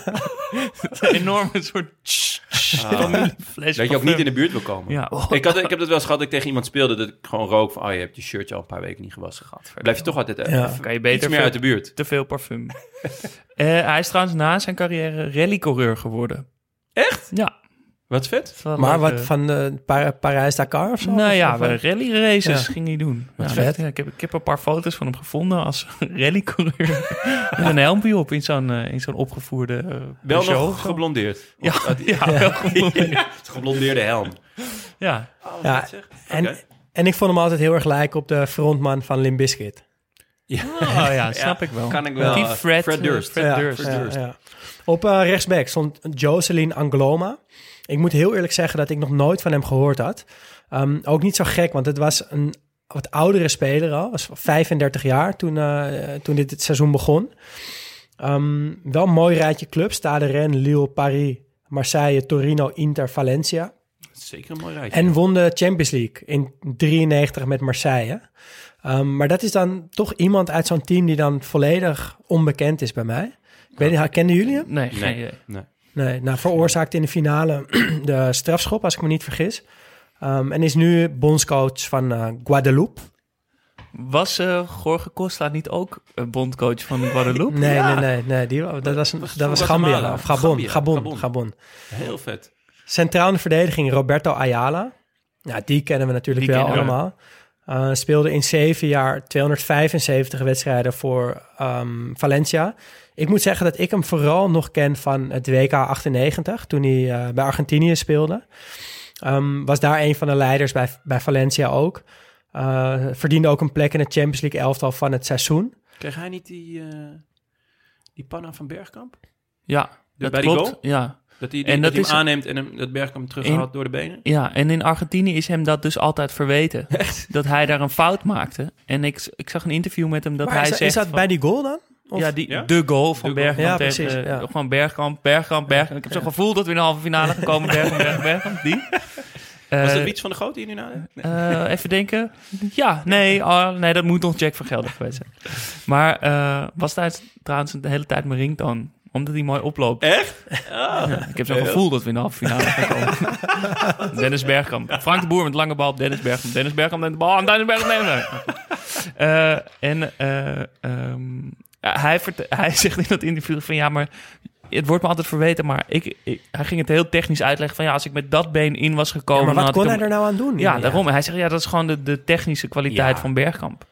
Daar zijn we het in Nederland natuurlijk meteen helemaal mee eens. Ja. Zijn bijnaam was trouwens El Raton, de muis. Want hij was maar 1,77 als eh, centrale Is klein, maar ook weer niet zo Ja, klein. Viel me ook op. Ja. Ja. Maar goed. Ehm, naast hem stond Mauricio Pellegrino. Ehm, hij was degene die, die de beslissende penalty miste in de finale tegen Bayern München. Ehm, is later trainer geworden, onder andere assistent bij Benitez, bij Liverpool. Uh, heeft nog op eigen benen gestaan bij Southampton en ook bij Valencia. Uh, is nu nog steeds trainer, maar in, uh, in Argentinië. Um, ken hem wel, heeft niet zo'n indruk op mij gemaakt als, als Ayala. Um, maar die vormden samen wel een zeer betrouwbaar centrum. Op linksback had je Amadeo Carboni. Wat een naam. Hele mooie naam ook. Ja. En ook 35 jaar. Dus die hadden twee Ja. backs die heel oud waren. Uh, dat vond ik heel opvallend. Miste ook in de finale een penalty en veroorzaakte de penalty voor Bayern. Veel penalties, hè? in de Ja, finale. ja, nou ja, dat krijg je met, uh, Met onze dik. ja, Dick Jol als Als er wordt scheidsrechter. gegokt bij de groenteboer, dan eh, wil hij nog wel eentje weggeven. Hij, eh, Carboni was een van de oudste spelers die ooit een Europese prijs won. Uh, want hij was namelijk 38 toen Valencia een aantal jaar later de UEFA Cup won. Um, en hij was 40 toen ze nog iets later La Liga wonnen. Dus die is heel lang op een heel hoog niveau doorgegaan. Laat Ja. gepiekt. Ja. dat is, backs zijn En toch vaak niet, back, ja. niet spelers die heel oud zijn. nee. Toch laatste man, eventueel spits. Of, ja, of van keeper. ja. Dus dat is wel heel opvallend aan, uh, aan dit elftal. Op het middenveld Ja. Ja, Gaisca Menjetta, ook zo'n schitterende voetbalnaam. En ook een hebben we het ook al even over gehad. iconische speler gewoon. En Ja, Ja. ik denk meteen aan die goal tegen Barcelona. Ja, ik, ik, heb, ik kan me herinneren dat er heel vaak vroeger van die filmpjes waren met mooiste goals aller tijden. Ja. En dan stond dit stevast in die top 100 of zo. Ja, ik moet daar ook meteen aan denken, want Be- beschrijf eerst de goal. Het is een Copa del Rey, toch? ja, Volgens mij, tegen Barça. Ja, nou, er, er komt een, eh, een corner die eh, heel strak getrapt wordt naar rand 16, waar Menjetta klaar staat. En ja, hij loopt nog best wel een stuk in. Hij toch? loopt in, ja. Ja. En hij volleert hem gewoon spijkerhard onderkant lat. En er staat iemand nog bij de paal van Barcelona die een poging doet om die bal te stoppen. Maar volgens mij toch eigenlijk niet. Hij want doet die niet bal echt een wil- poging. Nee, en want, dat snap, snap ik heel goed. want die bal wil je niet tegen je Maar hij raakt hem in één. Die, Ja, hij ja. stuitert niet. En hij, ook nog eens met een beetje effect. Hij draait ook nog eens een beetje naar buiten toe. Ja, oh, het is echt. zo mooi. Die bal ging echt door de geluidsbuien. Ik snap het heel goed, want die jongen bij de paal... Ik weet niet wie het was, misschien Sergi. Ja, dat zou wel Die, kunnen. eh, die springt wel, maar het is heel duidelijk dat hij springt van... Oh ja, ik moet wel springen, want anders dan krijg ik straks te horen dat ik niet heb gesprongen. ja. Maar ik ga deze bal echt no way tegenhouden. Je kan me nog meer vertellen. Ik ga het gewoon niet doen. Nee. Heel Nee, Ik moest maar- dus eh, bij hem... Oh, sorry, ja. Nou, wat je zei, vond ik nog wel grappig dat je die goal dan kent van die eh, compilatievideo's. Die, die top 50 goals Europa of zo, weet je, op YouTube. Ik keek dat vroeger ook altijd. En dat is, nou, dat is echt iets wat nu is uitgestorven. Want nu zie je alles gewoon voorbij komen op Instagram of op, eh, weet ik veel, via de app stuurt iemand het door. Of op televisie, eh 50 mooiste goals van het weekend. Maar dat Ja. was vroeger allemaal niet. Nee, je kon videobanden. Een, een DVD... Ja. nou, Ja, een videoband en er waren dus gewoon met, mensen op met 100 YouTube mooie goals. Die Ja. dat gewoon voor je in elkaar zetten. Maar en jij had Ja, ik iets moest, anders, ik moest altijd denken, ik moet bij hem ook denken aan die eh, de Scorpion KO eh, commercial van Nike. Ik weet niet of jullie die ja, nog met die eh, zilveren bal. Hidden from the world, 24 elite players hold a secret tournament with eight teams and only one rule. Met die zilveren bal en dat liedje van eh, Junkie XL. Ja. Ja, Ik heb dat ook even terug zitten kijken. En dat was dus een commercial dat er een soort kooi is. En eh Cantona is eh, de referee. Die staat op die kooi met een microfoon en een stok volgens mij. En dan doen er teams van drie gaan tegen elkaar strijden in die kooi. man, wat was dat? En ik zal de teams... Vind je het leuk als ik die Ja, teams even op, eh, Zeker, opnoem? ja. Het zijn acht teams. Je had Equipo Fuego met Crespo, Lopez en Mendieta. Lopez, die ken ik Claudio. Lopez, denk Ja. ik. Eh, we hadden team Tutto Bene met Rosicky, Cannavaro en Rio Ferdinand. Dat vind ik wel een wel listig team, hoor. De Funk Seoul Brothers met Edmilson Seoul, de Zuid-Koreaan, en Ronaldinho. Zou ik mijn geld niet opzetten, denk ik. Ja, het is wel Ronaldinho. Ja. De volgende denk ik wel. Os Tornados met Figo, Ronaldo en Roberto Carlos. Oh. Oh. Ja, ja, ja, ja. Eh, dan hebben we de Toros Locos met eh, Saviola, Luis Enrique en Junberg. Wel een Eh, mooi team. Mwah. Volgende team vond ik ook mooi. Cerberus met eh Wiltor, Touram en David. Zo, dat zijn wel strijders, hoor. Ja, Turam ja, en daar David. kan je denk ik moeilijk van winnen. Ehm, dan hebben we eh, triple espresso met Totti, Nakata en Henry. ja, nou, maar dit vind ik wel echt het vetste 100%. team, hoor. En laatste- Nagata en Henry. De laatste is de One Touchables met Vieira, Scholes en Van Nistelrooy. Zo, die is ook wel echt heel goed. Maar en weet je wie er won? De, de finale was tussen triple espressos en de Ostornados. Dus met eh, team Totti tegen team eh, Figo, Ronaldo, Roberto Ja. Carlos. Ronaldo. Eh, ja, Ja, volgens mij dat, dat eentje ging er dan op de grond zitten en hij sprong omhoog. ja, ja, ja. Op, via zijn rug of zo. Ja. En zo wonnen ze de bal. Ja, wat een vette reclames waren dat. Dat mis ik echt wel hoor, van Nike. Ja, en ook Ja. die, ja, kan ook die andere dat ze die bal moeten stelen uit die soort Ja, met ninja Van tempel. Gaal. Ja, die, met Van dat Gaal. is die It's Rounded. Met Ja. die ja, en hij zegt, Davids, it's just a ball. En dan zegt hij, no, it's rounder. Ja, zo vet. En die eh, op het Op vliegveld. het vliegveld. Ja, die is ja. ook zo ja, vet. Brazilië. Echt. En, maar bij deze, bij die, die laatste dus die we, die, die we net bespreken, daar wou ik zo graag bij zijn. Ja. Die dag, dat ze gewoon met z'n allen Ja. tegen elkaar gaan spelen. En het was ook in de tijd dat Nike, van die Nike Towns... eh, Ja, hier bij het Olympisch Stadion Hier bij het. Olympisch Stadion en later in, eh, in Noord. Dat je kon gaan voetballen tegen elkaar in een kooi Ja. en eh, één op één spelen. Ook, dat was ook met Vanenburg en zo. Al die jongens die waren eraan gelieerd. Ja, het was schitterend. Dat Ja. was zo En ook, ze hadden toen die, die, die shirts, die hadden ze dan zonder mouwen met van Ja. die soort puntige details erop. En ja, Ja, alles, alles Ja, was dit- vet aan. dit moet En het, terugkomen. en het liedje. Ja. Ja. Ja, Ja, zeker. van de- Nederlander, hè, van Junkie XL. Ja. Junkie, Ja. Ik, ik weet ook nog dat ik... eh, eh, ik lag toen op dat moment eh, in het ziekenhuis. En eh, ik, was, eh, ik was ziek en ik, eh, ik, ik was echt heel verdrietig. Ik lag daar en toen was er op de box... Ja. Die had je toen nog. Ja. Werd toen de clip aangevraagd van Junkie XL. Maar A Little dus de- Ja, A Little? Less. Conversation. Maar er was dus een versie met dat dit, deze commercial Ja, de, uitgebreid werd. de, eh, de clip was. Ja. echt.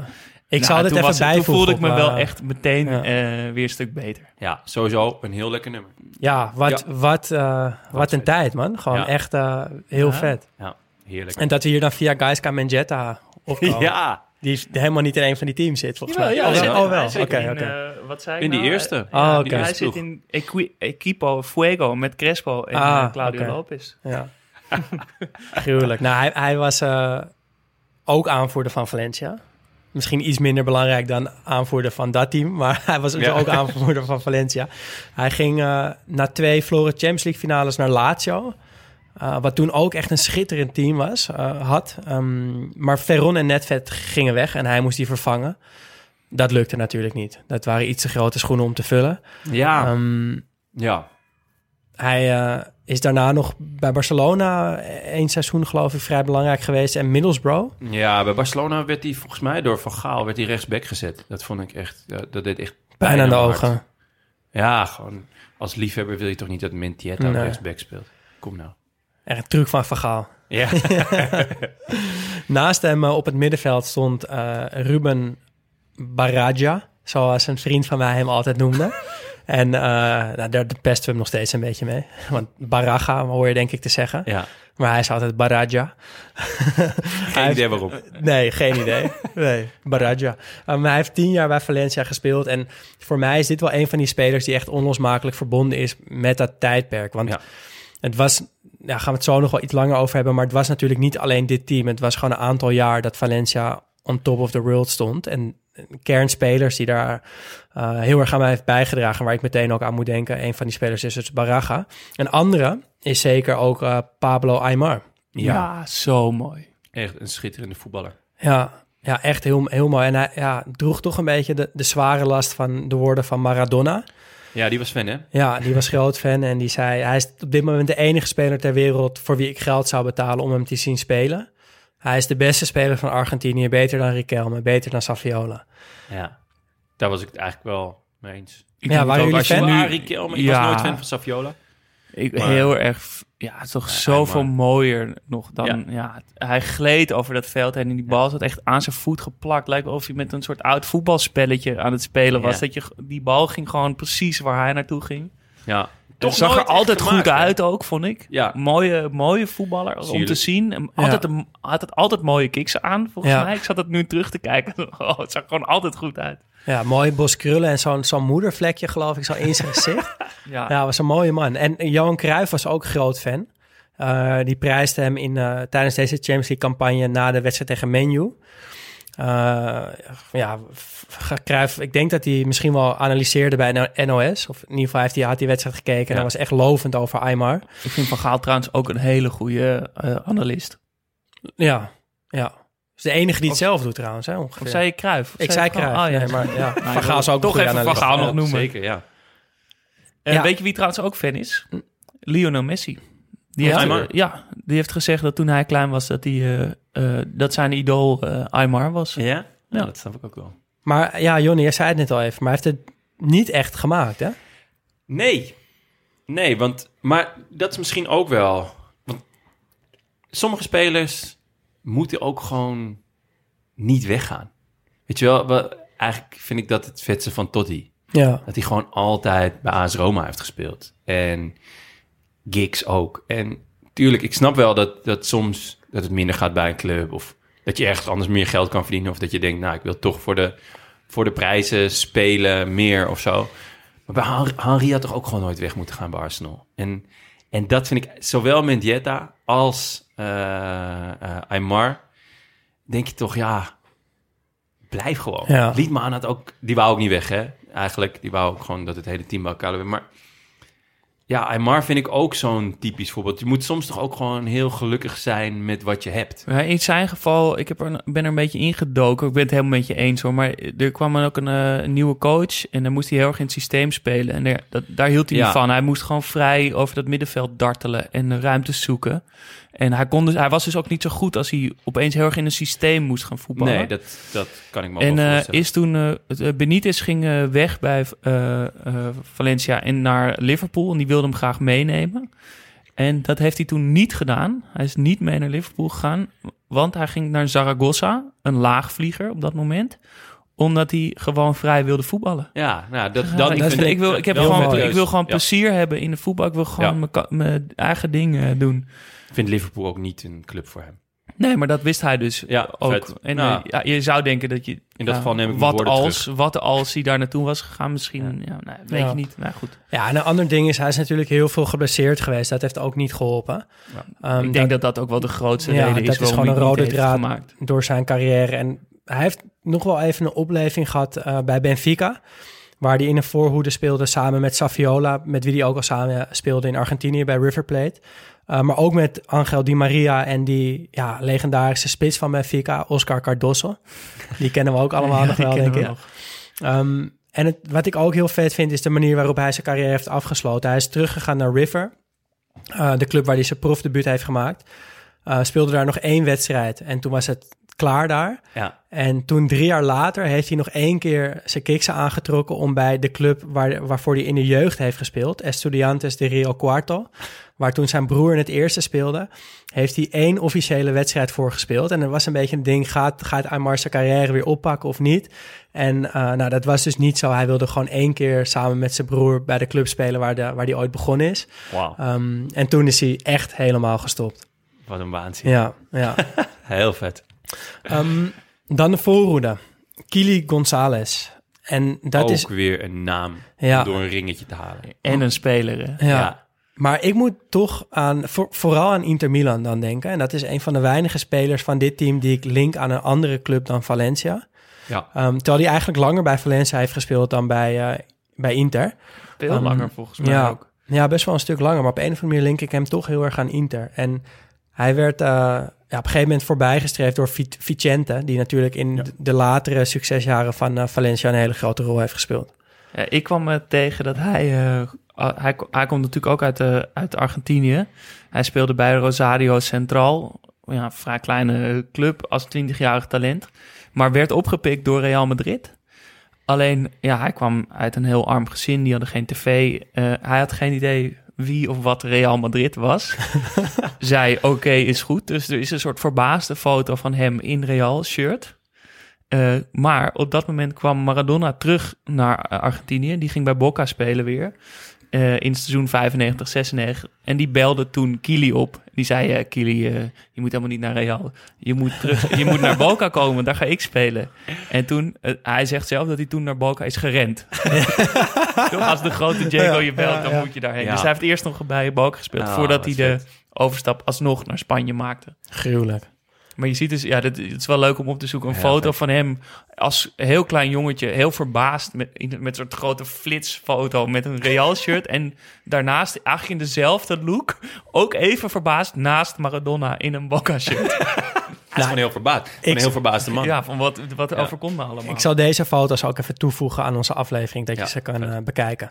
Ehm, naast hem in de spits John Carew, of Karev. Karev, toch? Ja. Nou ja, je moet dus eigenlijk Carew zeggen. Ja. Echt? Ja.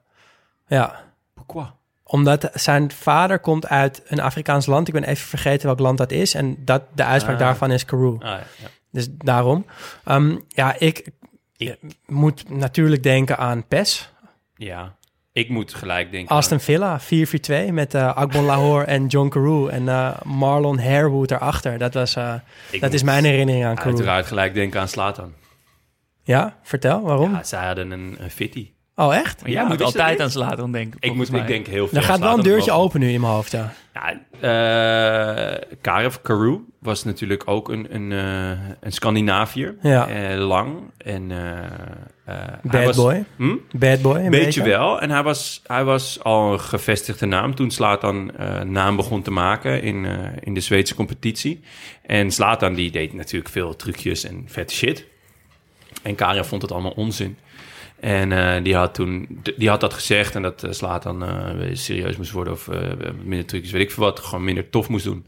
En toen had Slatan gezegd: eh, what John, eh, John Karev, what he can do with the ball, I can do with an orange. en toen was Slatan 19, hè?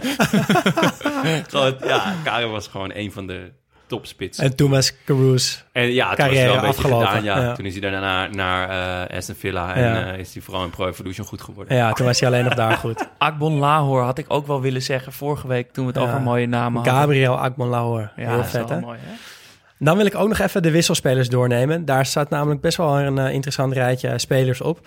DJ Deschamps, wat ik echt de allervervelendste bondscoach ooit vind, omdat hij alle talent wat Frankrijk heeft verkwanseld. En ja, ik weet het, ze worden wereldkampioen, maar met echt verschrikkelijk voetbal.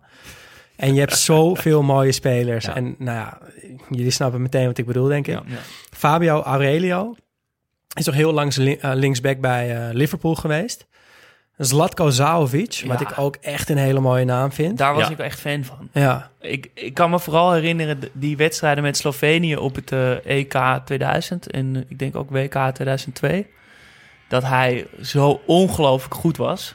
En ik, ik, ik kan me een wedstrijd herinneren, die heb ik geprobeerd op te zoeken, dat ze volgens mij 1-1 staan of zo in de 90 minuten. En dat hij dacht, nou fok het, dan schiet ik hem wel in vanaf 40 meter of zo. Maar dat is volgens mij vooral fantasie. Die heb ik niet kunnen vinden. Ja, vet.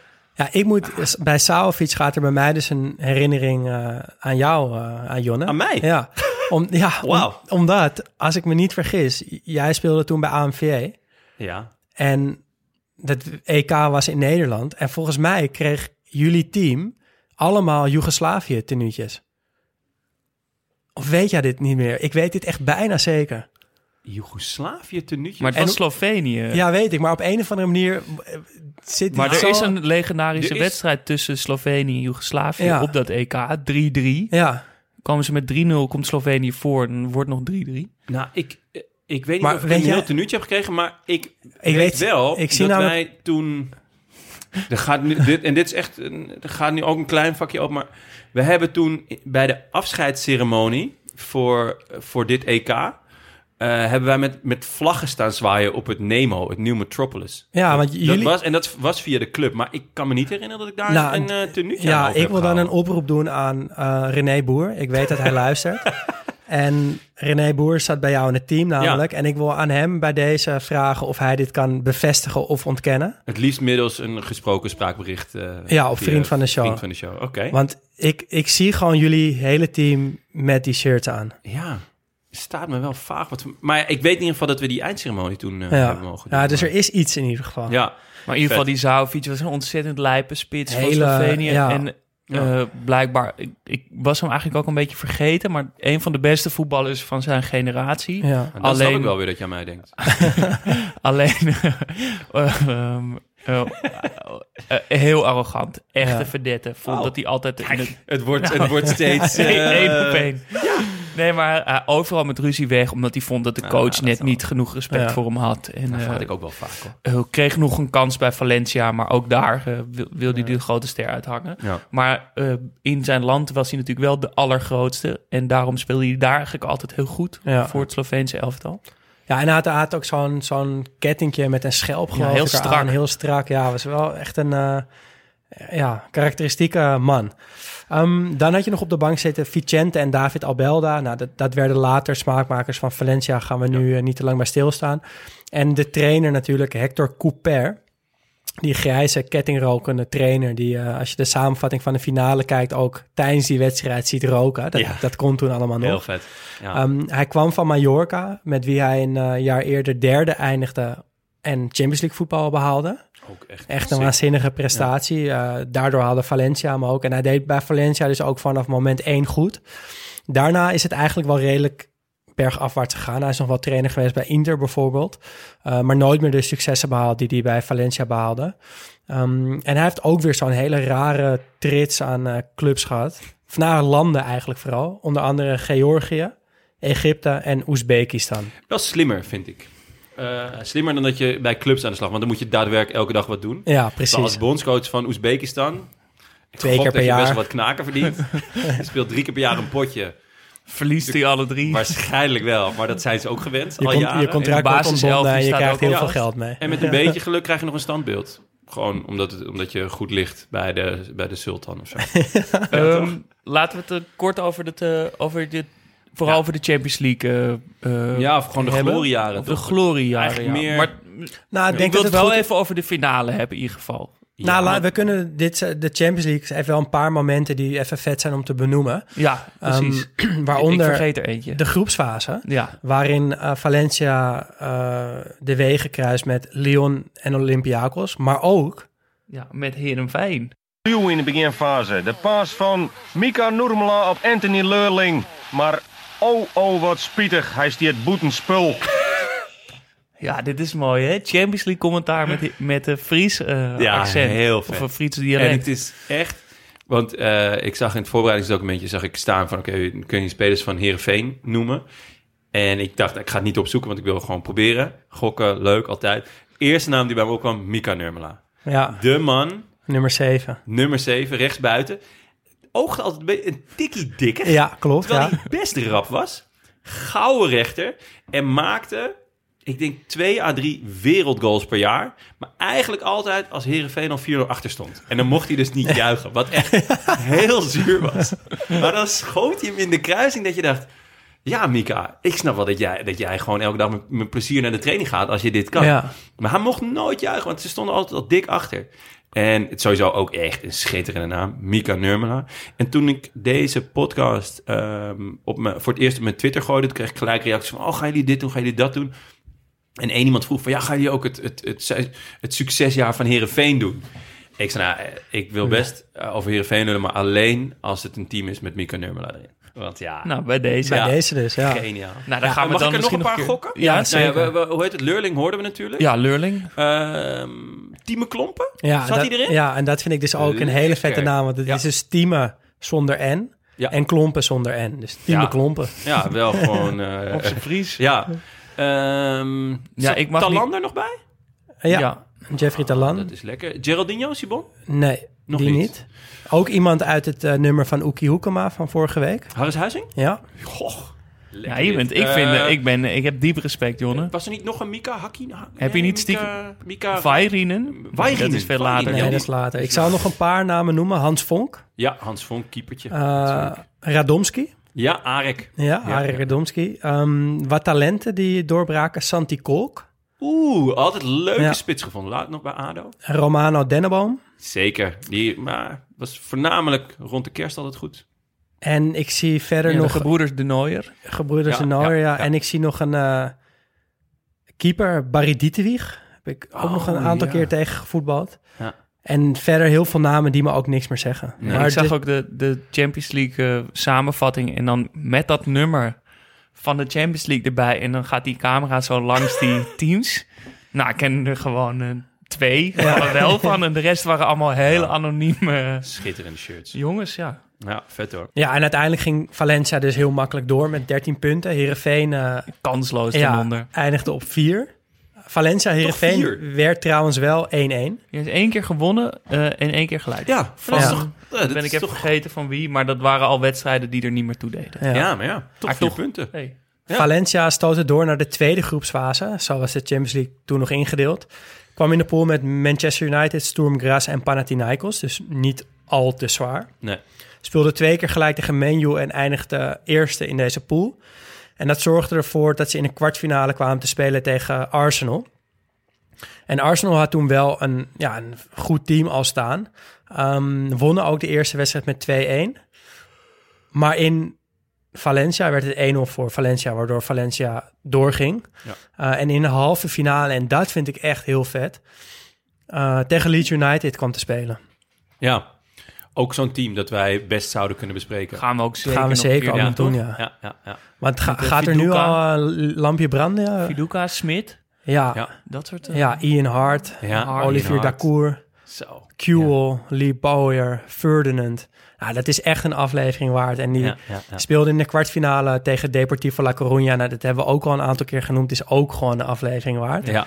Uh, maar dat, uh, ja, dat komt later allemaal. Um, eerst nog even de finale natuurlijk. Bayern München, Valencia.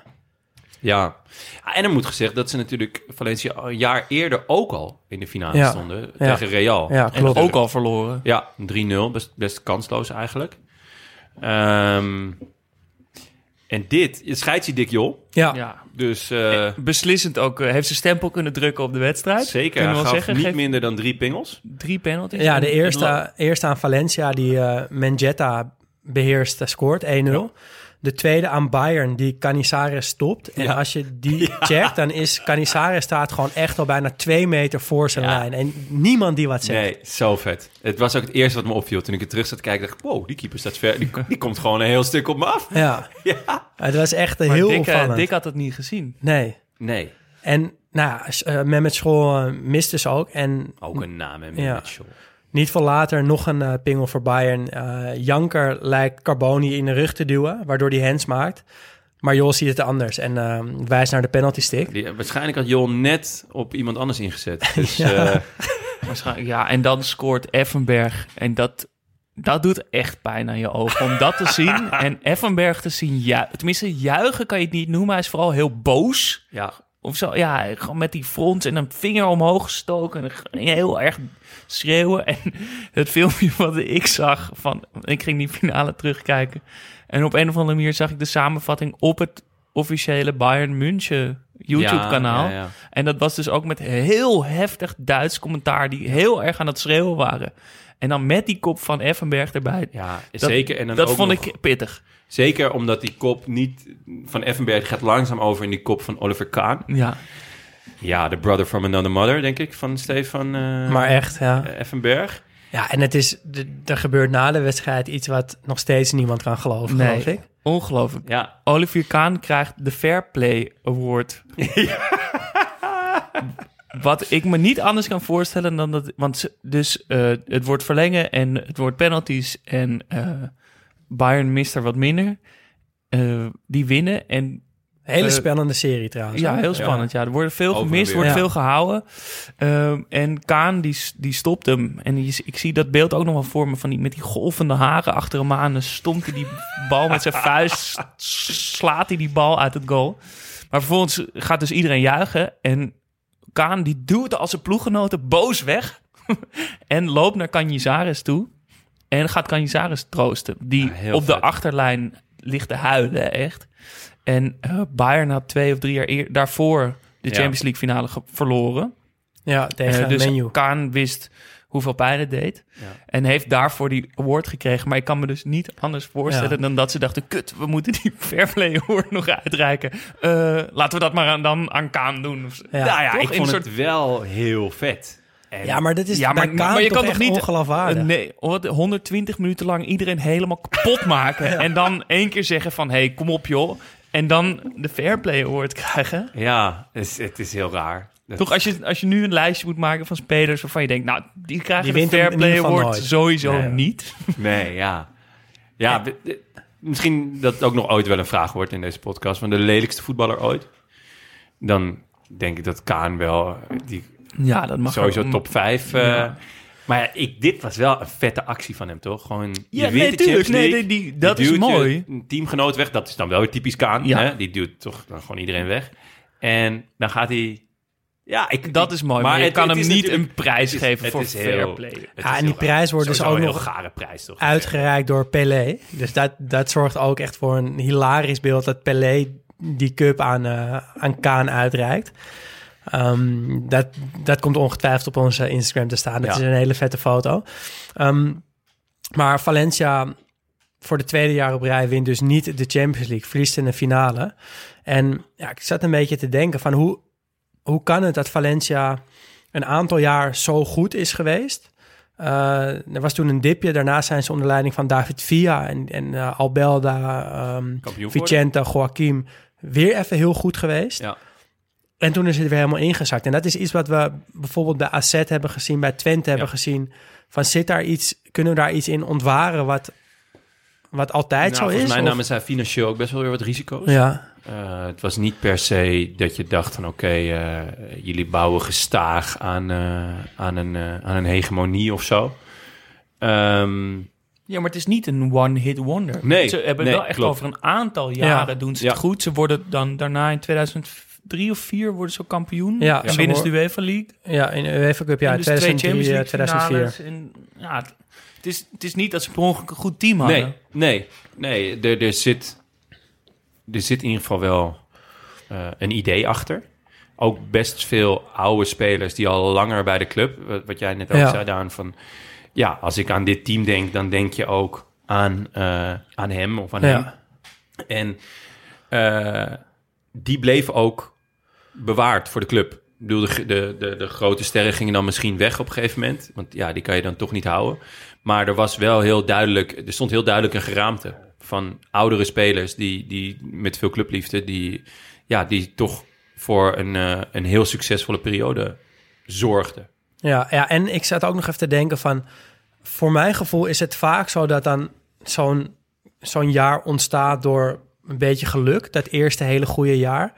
En dat je dan als club er ook heel erg in gaat geloven. Ik- En dat er daar, op, op die successen, dat daar beleid op wordt gemaakt. Ja, Dus het is volgens mij heel vaak niet zo dat er al heel lang heel goed beleid wordt gemaakt en dat daar langzaam een club de vruchten van plukt en dat het dan opeens zo goed is dat je heel lang mee kan doen met de top. Volgens mij is het bijna al, altijd zo dat er een toevalseizoen bij zit of je verkoopt iemand voor heel veel geld of je hebt een paar voltreffers op de transfermarkt, dat het dan opeens een jaar heel goed gaat en dat een club dan denkt van hé, hey, we kunnen misschien wel aanhaken Ja. en dan meer gaat investeren. En dat, maar dat is dus niet, Ja. niet echt duurzaam. Nee, ja, en dat, dat is misschien ook wel iets dat als je het in een iets breder plaatje trekt, is dat de Spaanse competitie ook gewoon heel sterk was. Kijk, nu Ja. eh, is het de heilige graal voetbaltechnisch, of voetballend gezien, in ieder geval qua geld, is de Premier League. Engeland. Ja, zeg maar zelfs de nummer 6 van, van Engeland eh, is wereldtop. Ehm, toen de tijd, Depor was goed, eh, Valencia was goed. eh, Mallorca, blijkbaar. Mallorca, ehm, dat soort clubs. En dan heb je natuurlijk Real en, en Barcelona. En inmiddels is het, is het volgens mij wel in, in Engeland is het eh, Real, Barça en Atleti. Atleti zit erbij, was ja. In Spanje bedoel je, Ja, ja. ja, in Spanje, ja. Dus toen was er denk ik ook nog iets meer een battle ehm, tussen de competities. Oké, van wie, wat gaat de toonaangevende competitie worden in Europa? Italië was toen ook nog sterk. Eh, Duitsland een beetje, had je eigenlijk vaak toch wel alleen maar Bayern en dan af en toe Dortmund. Ja, maar ja, de Engelse clubs doen het nog steeds in Europa meestal niet zo heel Nee. goed. Ja. Dus dat, ja, ik denk dat het wel de sterkste competitie is, maar in Europees werkt dat dan toch allemaal weer net wat anders. Ja. Maar wat ik, ja, wat ik net al zei, wat ik er heel interessant aan vind, is of, of zo'n succesjaar of jaren, of dat nou een gevolg is van goed beleid, of dat dat dus een beetje toevallig eh, ontstaat en dat er dan beleid op wordt gemaakt. En volgens mij is het heel vaak dat tweede. En is dat ook de reden waarom ehm, het vaak niet heel lang goed gaat? Want er is namelijk niet zo heel goed over nagedacht. Ja. Ik vind het een mooie analyse. Ja, ja ik ook. Toch? Ja, volgens Ja, mij zit er wel wat in. Ja, ja volgens mij is dat niet vaak. Ik zou het niet een andere club zo 1, 2, 3 kunnen noemen die, die zo'n aantal jaar heel consistent, heel echt wereldtop is. En Ja. dan daarna weer Nou, je, hebt, je hebt wat niet wereldtop is, maar in Italië zie je bijvoorbeeld dat Napoli er dan nu wel een soort van echt bij is gekomen in die Ja. top. Oh, oh, Maar dat is ook- toch op, op een Ja. bepaalde manier ook wel? Ja, Maar dus- Eigenlijk het Atletico van nu. Ja, misschien wel, is- ja. Maar bij Atletico heb ik toch ook het idee dat als eh, Simeone straks weggaat, dat dat misschien ook weer helemaal kan instorten. Ja. Nou, dus dan is het wel vergelijkbaar Ja, met, maar met dus Valencia. Die soort van traditionele top in die landen, dat, is, dat, dat blijft heel constant eigenlijk. Ja, ja, en Duitsland is wat dat betreft misschien een beetje een uitzondering. Want Dortmund is een soort van traditionele top, maar heeft toch ook periodes. Ja, daar heb je bedoel, nu met die paar Red- keer bijna failliet gegaan. Ja, en die Red Bull clubs die snel opkomen Ja, daar. ja. En in Italië heb je natuurlijk wel Inter en AC die eventjes weg zijn Ja, gevallen, maar nu ook weer opkrabbelen. Ja.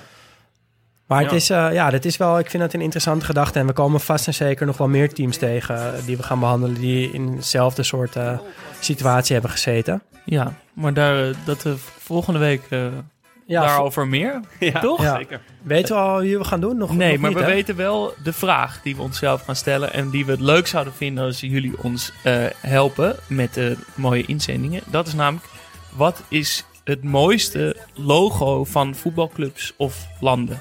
Dus gewoon wat er op je, wat er op, het borst, eh, op je borst staat. Eh, daar zijn we benieuwd naar. Schiet er al iets, eh, komt er al iets naar boven? Ja, ja maar dat moeten we niet verklappen nog, of wel? Nou, ik wil wel zeggen dat ik, Ik- wel fan ben van Russische logo's. Dat wil ik alvast Ja. wel weggeven. Zijn En, vaak en ik wil wel- weggeven dat dat Duitse logo's, als je kijkt naar die Bundesliga, dat is echt een bij elkaar geraapt groep eh, project. Dat is echt heel raar. Kijk maar eens naar die van Hertha BSC. Nou, dat slaat echt nergens op. Gewoon met paint gemaakt. Ja, nou, zo- nou, maar zonder overdrijven. Ja, vet. Nou goed. Oké, dus de Ehm, vraag voor volgende week. Het mooiste voetballogo van, van land of club. Ja, laat dat weten op eh vriendvandeshow.nl slash Studio Socrates. Eh, daarop hebben we een aantal donaties gekregen. Daar zijn we heel blij mee. Nieuwe vrienden van de show. Nieuwe vrienden van de show. Rafael Stoffels, Frank de Tank en eh, Bart Sandberg. Bartje Bof. Bartje Bartje Bof. Eh, dankjewel. Zeker, heel vet. Een hele dikke shout-out naar jullie. Eh dankjewel. En eh, Ja, mocht je willen doneren, dan, eh, dan kan dat daar. En eh, dat is lekker, want dan kunnen wij eh, meer afleveringen maken. Precies. En eh, geef het antwoord op deze vraag ook via Vriend van de Show. Ik zal net als vorige week een documentje uploaden waarin je je antwoorden eh, met, met wat tekst en uitleg kunt sturen. En, eh, En dan als je uit de luiver bent, dan kun je ook naar Insta. Ja, zo is het ook, ja. u luisterde naar Studio Socrates, gepresenteerd door Daan Sitorius, Jonne Seriese en mezelf, Jasper Gottlieb. Vond je het leuk? Abonneer je dan en laat een review achter, zodat we makkelijker te vinden zijn. En heb je een vraag of een verbetering of een antwoord dus op onze gestelde vraag? Sluit dan eh, in onze DM op eh, Instagram, studio-socrates. Of stuur, zoals gezegd, een bericht naar vriendvandeshow.nl slash studio Socrates.